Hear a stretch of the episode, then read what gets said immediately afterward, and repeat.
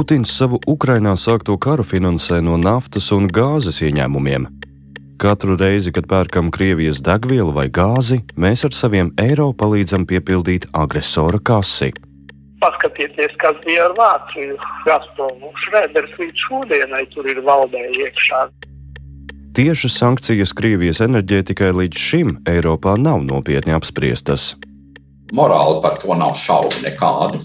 Tālāk seko, kā to vislabāk izdarīt, nenogriežot kādu gabalu no sevis.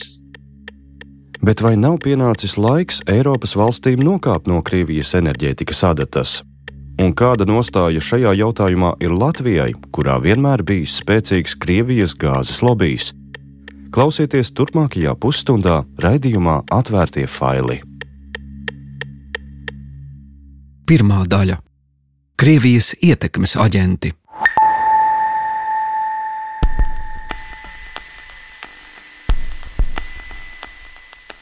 Ukrainas kara pirmajās dienās kāds Twitter ieraksts Latvijas enerģētisko procesu vērotāju vidū sacēla viļņošanos. Prestižā žurnāla The Economist analītikas atzara pētniece Agate Demarais publicēja tabulu ar Krievijas gāzes patēriņu Eiropas valstīs. Tabulā vienīgās valstis, kuras simtprocentīgi visu gāzi importē no Krievijas, ir Latvija un Čehija.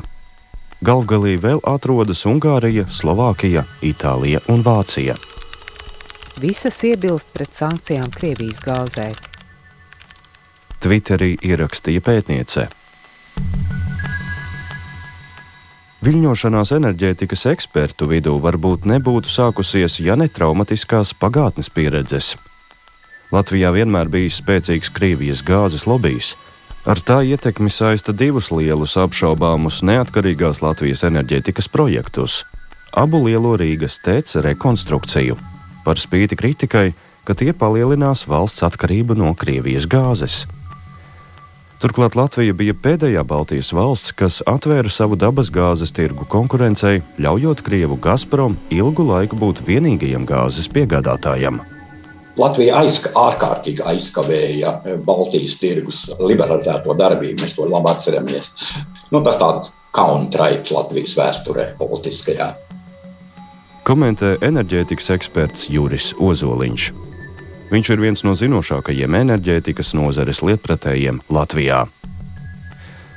Acīm redzamā Gazprom lobija ietekme uz politikas lēmumu pieņēmējiem un vietējiem enerģētikas milžiem bija viens no iemesliem, kāpēc trijām Baltijas valstīm savulaik neizdevās vienoties par kopīgu sašķidrinātās gāzes termināli, ko bija gatava līdzfinansēt Eiropas komisija. Kaimiņu valstis latviešiem vienkārši neusticējās ir jāsaprot, ka tā ir mūsu paša nolaidība un mērķiecīga Gazproma un Krievijas čekistu līdzdalībnieku Latvijā sadarbība. Ja?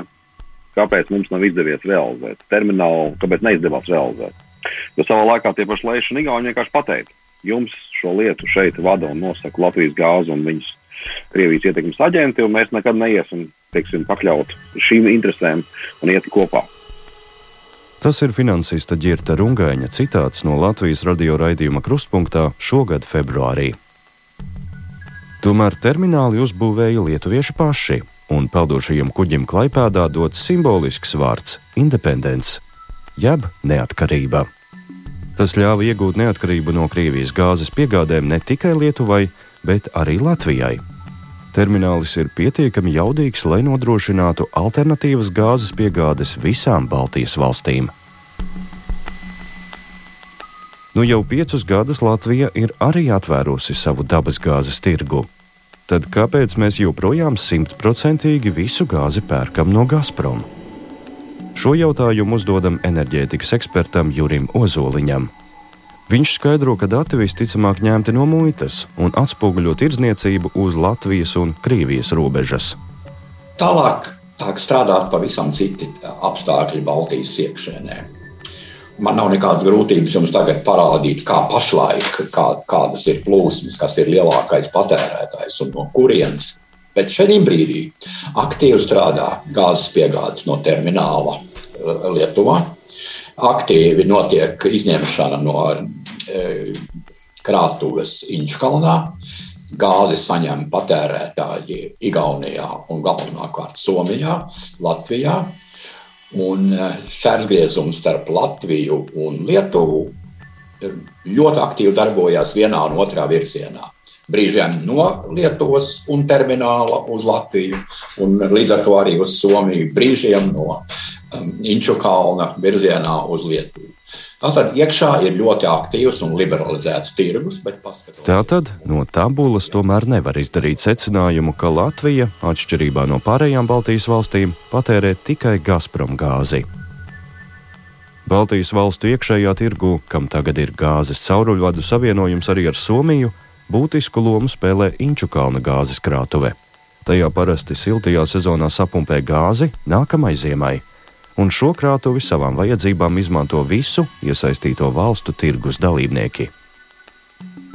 Inčukalna dēļ arī veidojas specifiska situācija. Igaunijai visa tirdzniecība notiek uz Latvijas un Igaunijas robežas ja viņa ir bijusi kādu laiku Inčkalnā vai viņa uh, ir tranzitā no termināla Lietuvā, tad tā nav Krievijas gāze. Gazprom nenoliedzami ir būtisks spēlētājs mūsu gāzes tirgū. Taču kopš tirgus ir liberalizēts, Ozoliņš neuzskata, ka gāzes patērētāji tam dotu kādas priekšrocības. Es domāju, ka attiecības šeit nepastāv nekādas speciālas tas ir patiešām liberalizēts tirgus. Viens no lielākajiem gāzes patērētājiem Baltijas valstīs ir Latvijas energo. Intervijā Latvijas radio janvārī tā pārdošanas direktors Uldis Mūcenieks teica, ka gāzi pērk no vairākiem tirgotājiem. Mums jau tas ir svarīgi, nu, lai, lai mēs nonāktu pie labākajiem piedāvājumiem. Mēs tajā brīdī, kad mums šī dabasgāzes iepirkšana ir jāuzsāk, mēs uzrunājam nu, tos tirgus dalībniekus, kas mums e, var nodrošināt piegādes. Tādu ir vairāki. Nu, Kura tie ir? Nu, kas Latvijas gāze? Nu, Latvijas gāze, tie var būt Igaunija, tā var būt Igaunijas gāze, tas var būt e, kāds no Baltijas energotirgotājiem, kuriem ir, piemēram, kaut kādi atlikumi no iepriekšējām sezonām Lietuvas gāzes uzņēmums. Jūs esat ņēmuši no klēpēdas? Mums, mums ir bijuši gāze, kas ir tikusi piegādāta no klēpēdas. Jā. Juris Ozoliņš norāda, ka otras lielākās gāzes piegādes Baltijas valstīm nāk no ASV. Caur Lietuvas terminālu. Tur viņš nevienu dienu nestāv, nedarbojoties. Kuģi mainās, Katru mēnesi vismaz ļoti liels gāzes piegādātājs šeit parādās. Lūgts raksturot klaipēdas termināla lomu Baltijas valstu enerģētikā, Ozoliņš atbildi sāk ar to, ka Zoom platformā, kurā sarunājamies, uz ekrāna uzliek senu fotografiju. Tajā var redzēt, ka arēnas ložā Rīgas dīnāmo hokeja spēli Putina izveidotajā kontinentālajā hokeja līgā skatās divi bijušie Latvijas premjerministri Aigars Kalvītis un Valdis Dombrovskis, bijušais satiksmes ministrs Ainārs Šlesers un viducī ITERA šefs Juris Savickis. Visiem mugurā Rīgas dīnāmo krēkli ar ITERA logo uz tiem. Fotogrāfija simboliski ataino, kāpēc Latvijas ceļš līdz brīvam gāzes tirgum ir bijis tik ērkšķains. Vispirms Latvijas gāze privatizācijas procesā ieguva 20 gadu monopoltiesības, bet kontrolējošu lomu šajā uzņēmumā Gazprom un Savicka Iteras tandēms. Ilgus gadus Latvijas enerģētikas nozarē un politikā dominēja doma, ka Gazprom ir lētākais iespējamais gāzes piegādātais Latvijai. Savukārt sašķidrinātais gāzes terminālis ir bezjēdzīga investīcija, jo caur to ievestā gāze nebūs konkurētspējīga. Viens no viskaļākajiem šīs domas paudējiem bija kādreizējais VDK darbinieks Juris Savickis. Mūsdienu realitāte ir cita. Šodien, šajā brīdī un visu šo gadu no sākuma Lietuva faktiski nepērk Krievijas gāzi, bet dzīvo tikai no piegādiem no termināla un no piegādiem no Inču kalna. Tas pats notiek ar Igauniju un tas pats notiek ar Latviju. Saka Juris Ozoliņš. Viņš uzskata, ka pateicoties Klaipēdai, gāzes piegādes Baltijas valstīm pašlaik ir vienas no drošākajām Eiropas Savienībā. Mums ir ļoti jaudīgs eh, termināls Lietuvā, Atcerieties, ko gan Latvijas politiķi par to nesarunāja. Kādas muļķības tikai nebija dzirdamas, un kādas sūdzības jautājumā par finansēm netika nostrādātas. Bet kopumā šis termināls ar Inčkalnu krātuvi pie saprātīgas, labas, patiešām no pārvaldības ir spējīgs trīs Baltijas valstis kaut kā nebūt apgādāt. Sākoties karam Ukrainā, pēc valdības uzdevuma Latvijas noslēdza līgumus par aptuveni 2 terawatstundu gāzes iegādi no Norvēģijas, ASV un Kataras. Tos piegādās caur klaipēdu. Tā marta sākumā saimnes deputātiem sacīja ekonomikas ministrijas valsts sekretāra vietnieks Edijs Šaicāns. Šīs divas eh, papildus kravas, kas ir tāds drošības pilvens gāzes apgādē, lai kritiskās situācijās spētu darbināt mūsu tecus, lai nodrošinātu elektroneatkarību, ir šobrīd izpildīts, un šie kuģi potenciāli ienāk aprīlī un, un maijā uz, uz Latviju un tiks iesūknēti Inčukalnā. Pēc viņa teiktā, pat labāk uzstādījums ir maksimāli radīt iespēju atteikties no Krievijas importētās gāzes. Tomēr atteikties vienā dienā Latvija nevar, jo tas tehniski un praktiski nav iespējams. Turklāt apmēram 90% no mājsaimniecībām ir līgums ar Latvijas gāzi, kas nozīmē, ka viņi ir tieši Krievijas gāzes pircēji. Līdz ar to pat labāk politisks lēmums atteikties no Krievijas gāzes pavisam vēl nav pieņemts. Stāsta ekonomikas ministrijas parlamentārā sekretāre Ilze Indriksone. Mēs arī domājam par vēl papildus, varētu teikt, kuģa iegādi vēl vienu ar, ar gāzi, lai nodrošinātu pie kritiskajā situācijā, lai varētu, teikt, varētu stāties Latvijas gāzes vietā varbūt arī Latvijas energo kā gāzes piegādātājs maisaimniecībām, un tad šo problēmu mēs varētu jau, varētu teikt, atrisināt vienkārši, bet noteikti nelēti. Ja esam tik labā situācijā, tad vai tiešām Latvija ir iebildusi sankcijām Krievijas gāzei, kā to apgalvoja The Economist analītikas atzara pētniece? Otra daļa - Vēstures mācības.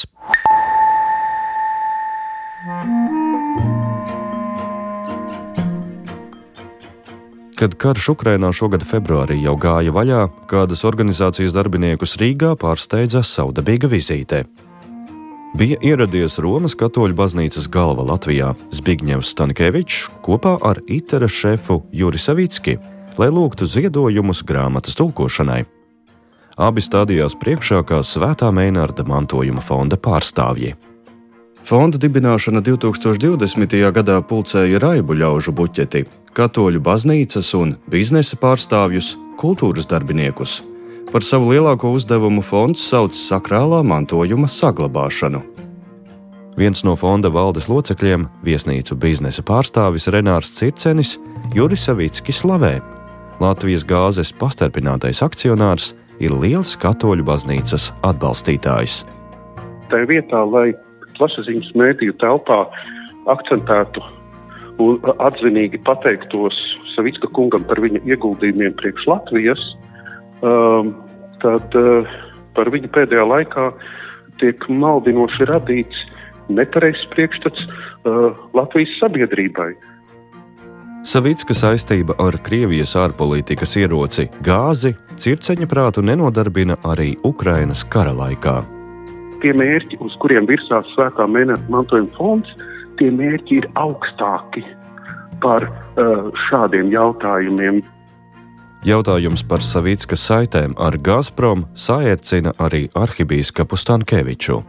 Viņš atbalsta baznīcas celtniecību Ikšķilē, un uh, redziet, viņš jau ne tikai katoļu baznīcu atbalsta, viņš atbalsta zinātņu akadēmiju, viņš atbalsta uh, sportu, viņš atbalsta kultūru. Viņam ir milzīgs spektrs ar, ar atbalstītajiem projektiem. Mm -hmm. Mēs esam tikai vieni no. Un tagad tiem kliedzējiem, kas kliedz, ka nu kā, nu ko, kā saka, ka viņš ir tas sliktais, es gribu viņiem pajautāt, bet ko jūs esat izdarījuši Latvijas labā? Kādus projektus jūs esat atbalstījuši? Cik daudz jūs esat ieguldījuši? Jo mm, te atkal ir Es vienkārši saskatu tādu eskalācijas mēģinājumu un uh, netīru spēli arī no, š, no šīs puses, ka visu laiku tikai rakstīt šo par viņa pagātni, mm -hmm.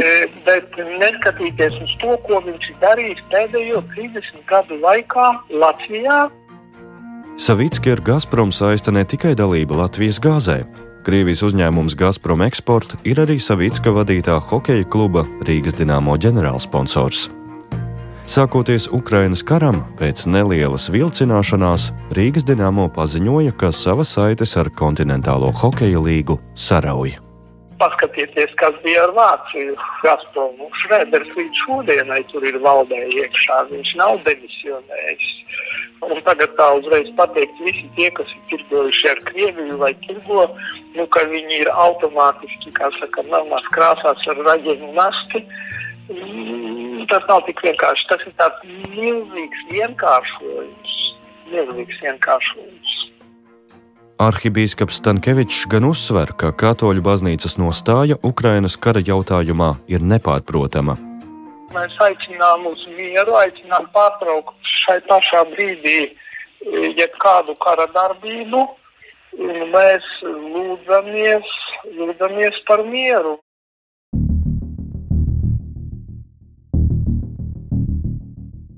Arhibīskapam ir taisnība. Gazprom taustekļi ir plaši izstiepti ne tikai Latvijā. Bez bijušā Vācijas kanclera Gerharda Šrēdera Gazprom ar labi atalgotiem amatiem uzpērk arī citu valstu politisko eliti. Krievijas gāzes giganta labā strādā bijušais Somijas premjerministrs Pāvo Liponens. Vadošos amatus lielos Krievijas naftas uzņēmumos ieņem bijušais Francijas valdības vadītājs François Fions, un bijusī Austrijas ārlietu ministre Kārina Kneisla. Tepat pie mums, kā zināms, Gazprom daļēji piedarošo Latvijas gāzi vada bijušais premjerministrs Aigars Kalvītis. Tajā patvērumu radušas augstas valsts pārvaldes amatpersonas pēc tam, kad valsts drošības dienesti tām liedza pielaidi valsts noslēpumam. Latvijas gāzes valdē amatu ieņem bijusi valsts kancelējas vadītāja Elita Dreimane, bet tās meitas uzņēmumu GASO vada bijusi iekšlietu ministrijas valsts sekretāre Ilze Petersone Godmane. Pateicoties veiksmīgajam lobbyam, uz Gazprom adatas sēž liela daļa Eiropas. Pēc Krimas aneksijas 2014. gadā Brisele solīja samazināt Eiropas Savienības atkarību no Krievijas gāzes, taču praksē ir noticis pretējais. Pēc izdevuma politiko datiem 2010. gadā 26% gāzes importēja no Krievijas. Bet pērn Krievijas daļa gāzes importā pa cauruļvadiem vien sastādīja 42% piedevām tika saņemta sašķidrinātā gāze. Lieli nopelni Krievijas gāzes importa pieaugumā ir pirms desmit gadiem atklātajam Nord Stream cauruļvadam. Tas Krievijas gāzi ļauj nogādāt pa Baltijas jūru līdz Vācijai, apējot Ukrainu, caur kuru vijas nozīmīgākie vēsturiski uzbūvētie cauruļvadi. Nord Stream būvēja Gazprom kopā ar Vācijas un vēl dažu citu Eiropas valstu enerģētikas kompānijām. Kopuzņēmuma direktoru padomi jau ilgus gadus vada Gerhards Šrēders. Kopš tā laika īstenots vēl viens ģeopolitisks projekts - Nord Stream 2 cauruļvats. Par spīti daudzu valstu iebildumiem, ka cauruļvats vēl vairāk palielinās Eiropas atkarību no Krievijas gāzes un Maskavai dos politiskās ietekmes sviras. Vācija neieklausījās kritikā līdz pat brīdim, kad Krievija pirms trijām nedēļām sāka plašu karu Ukrainā.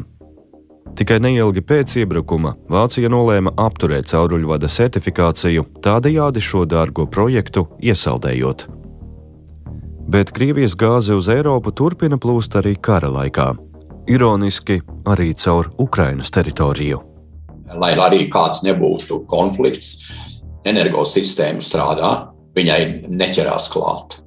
Militāristi līdz pēdējiem brīdim respektēs eh, to, kas notiek ar elektrību un ar gāzi. Komentē Juris Ozoliņš. Tieši tāpat energosistēmas netika aizskartas Balkānu kara laikā pagājušā gadsimta 90. gadu sākumā. Man gadījās būt tur. Kā viņi paši teica, mēs karojam, mēs savā starpā visu laiku sarunājamies un nodrošinājam kopējo sistēmas darbību Balkānos. Neskatoties to, ka mēs šāvām viens uz otru. Tā tā, tā, tas ir viens no tiem paradoksiem. Elektrība un gāze ir absolūti neaizstājama. Vai tomēr tas nebūtu morāls Eiropas pienākums pašlaik, kad Krievija Ukrainā masveidā slaktē cilvēkus, pārgriezt tās zelta āderi energoresursu importu? Morāli par to nav šaubu nekādu. Tālāk seko, kā to vislabāk izdarīt, nenogriežot kādu gabalu no sevis. Saka Juris Ozoliņš. Man ir jāatgādina, ka to gāzes vadu sistēmu uzbūvēja augstā kara laikā. Tīri pragmatiski apsvērumu dēļ. Rietumu pasaule cīnījās ar ļaunumu impēriju, bet viņi tomēr atļāvās uzbūvēt gāzes sistēmu. Tādēļ, ka Vācija, kuru mēs pēc kara mēģinājām nomierināt un pacelt un atgriezt kā Eiropas ekonomikas motoru, tas izdevās, bet tas izdevās pateicoties arī Krievijas gāzei. Nu, tādas ir tās vēstures mācības. Grūta izvēle šī brīdī. Laikā, kad ekonomista analītiķe Twitterī ierakstīja, ka Latvija un vēl vairākas valstis iebilst pret sankcijām Krievijas gāzei, mūsu valsts amatpersonas apgalvoja, ka sankcijas energosektoram nemaz nebija Briseles dienas kārtībā. Turpinājumā fragments no sarunas ar Latvijas vēstnieci Eiropas Savienībā Leldi Līci Līcīti. Saruna notika februāra beigās. Enerģētikas jomā šobrīd ir spēkā tikai liegums tirgot tehnoloģijas, kas Krievijai būtu nepieciešamas, lai modernizētu naftas pārstrādes uzņēmumus un ierīces. Bet tiešā veidā nav ticis apspriests ogļu ūdeņražu importa liegums no Krievijas. Kā radusies maldinošā informācija, veidojot šo raidījumu, neizdevās noskaidrot. Pēc Lēldes līces līcītas stāstītā, Eiropā līdz tam apspriests tikai pretējs scenārijs. Ko darīt, ja Krievija pati pārtrauc gāzes piegādes?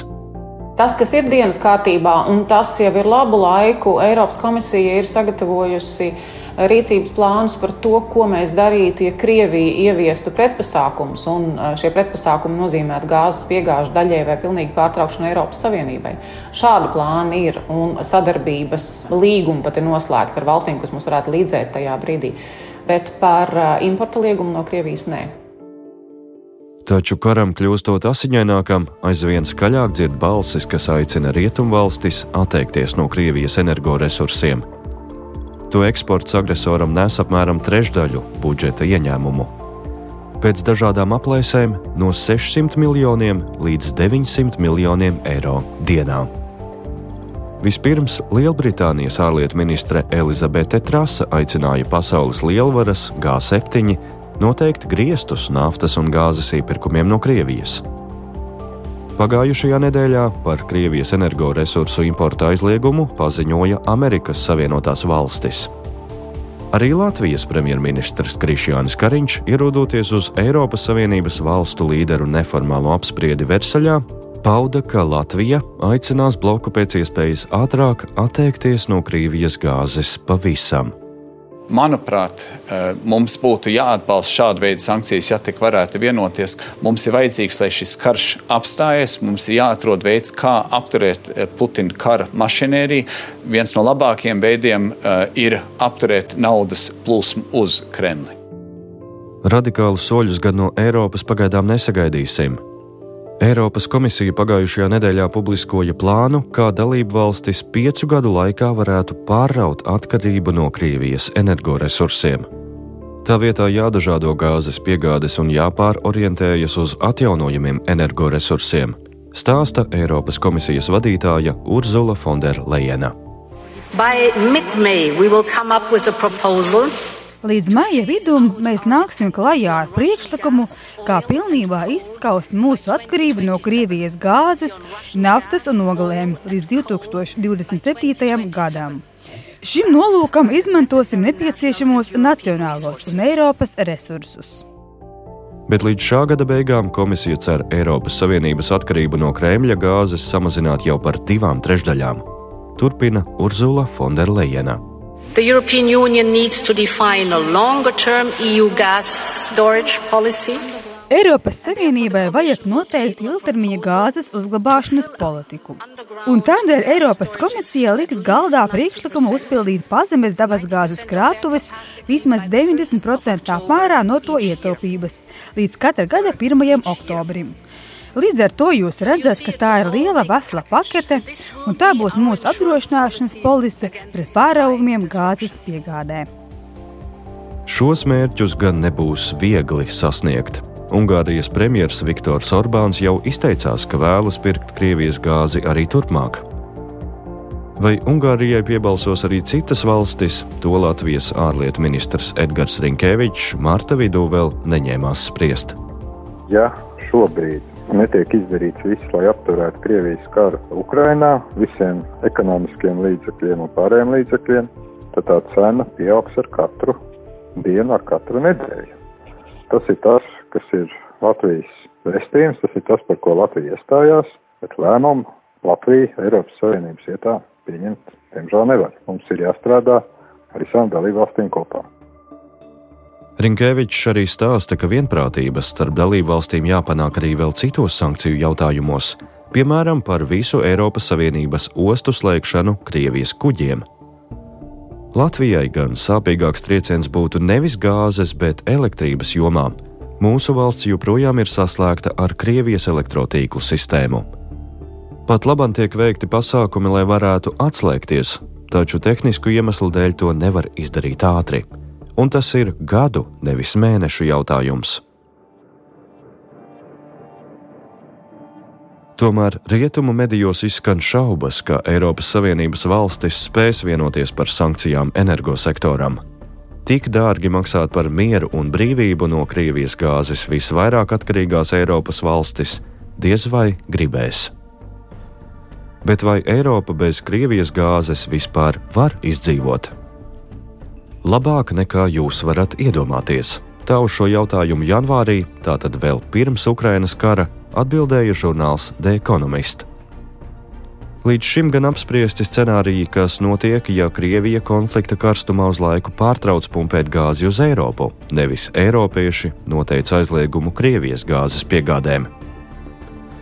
The Economist secināja, ka šo ziemu Eiropa bez Krievijas gāzes augstumā nepaliktu, Smagākas sekas izjustu Slovākija, Austrija, Itālija un Vācija, kura ir lielākais Krievijas gāzes patērētājs.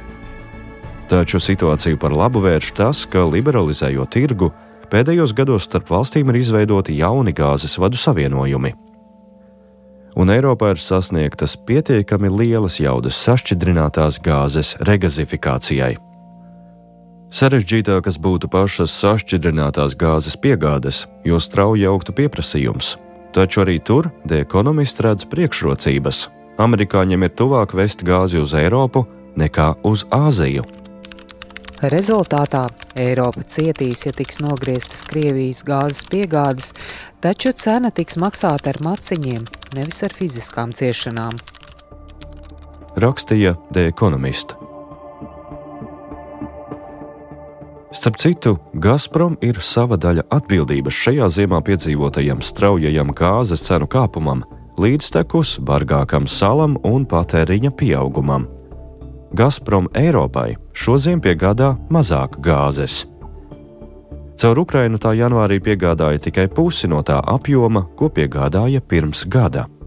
Tā arī sagadījās, ka Gazpromam bija vairākas nopietnas tehniskas ķibeles gāzes pārvades sistēmā. Otrkārt, Eiropā bija konflikts ar Nord Stream 2, kas bez šaubām tieši aizskāra Gazprom intereses. Viņi ne par vienu gramu negāja pāri tiem iepriekš noslēgtajiem līgumiem ar Eiropas kompānijām. Komentē Juris Ozoliņš. Turklāt rīkojas arī privātais sektors, negaidot valdību sankcijas. Sabiedrībai pārliecinoši solidarizējoties ar Ukraiņiem, peļņas gūšana Krievijā rietumu kompānijām ir kļuvusi toksiska. Tās pašas pamet Krievijas tirgu. Tā skaitā, kā rakstīja The Wall Street Journal, naftas pārstrādes rūpnīcas atsakās slēgt jēlnaftas piegādes līgumus ar Krievijas uzņēmumiem, savukārt bankas nevēlas tos finansēt. un nafta Krievijai ir vēl būtiskāks ieņēmumu avots nekā gāze. Līdz šim Eiropa mācību nav guvusi, vai Ukrainas karš beidzot praksē, ne tikai vārdos, izmainīs Eiropas enerģētikas politiku un mazinās atkarību no Krievijas gāzes. To mēs drīzumā redzēsim. Bet ko tikmēr darīt mums? Enerģētikas eksperts Juris Ozoliņš atbildi atkal sāk daloties ar ilustrāciju. Šoreiz tā ir tabula, kurā redzams Eiropas Savienības valstīs saražotais saules un vēja enerģijas apjoms uz vienu iedzīvotāju. Latvija ir pašās pašās beigās, tālu aiz Lietuvas un Igaunijas. Un tēlēni izsakoties gaismas gadu attālumā no līderiem Dānijas, Vācijas, Īrijas un Zviedrijas. Nu, Tīri tā, tā vēsturiski. Mēs pēdējos gados, apmēram no 11. gada, neko citu jautājumā par, e, par enerģiju nedzirdam, kā atcelt oiku un e, tikt vaļā no blēžiem, kas schēmu izmanto. Pilnīgi ir aizmirsies, ka eksistē vēl kaut kas cits enerģijas sfērā. Nu, tagad ir pienācis brīdis saņemties un vēlreiz paskatīties, kas mums ir jādara. Tikai pašā kara priekšvakarā valdība uzdeva diviem valsts uzņēmumiem, Latvijas Energo un Latvijas valsts mežiem, veidot vēja parkus. Tikmēr Ozoliņš aicina atraisīt rokas privātajiem kapitāla ieguldījumiem enerģijas ražošanā no atjaunojamiem resursiem, tā izskaitā saules un vēja. Kaimiņi saka, ka ļoti ātri var panākt enerģijas ražošanas jaudu attīstību savās valstīs, iesaistot gan iedzīvotājus, gan uzņēmumus, gan lauksaimniekus. Nu, būtībā tā visa enerģijas transformācija, kas ir paredzēta Eiropas eh, stratēģijā par eh, apgādes drošību, tagad klāt klimats, to, ka iedzīvotājiem jākļūst par eh, un uzņēmumiem jākļūst par enerģijas ražotājiem. Tam nepieciešamas likumu izmaiņas. Varu tikai teikt, ka šis ir brīdis, kad eh, būtu vēlams, ka šī valdība vēl pirms aiziešanas, kas acīm redzot notiks, tomēr saņemtu dušu un vēlreiz paskatītos uz savu elektrības sektoru no viedokļa. Mums tā ir jāatrisina lietas ātri. Raidījumu veidoja Anita Brauna, Zane Mače, Indra Sprānce, Ģederts Dželzis, Rēnis Budze un Matīs Budovskis atvērtie faili.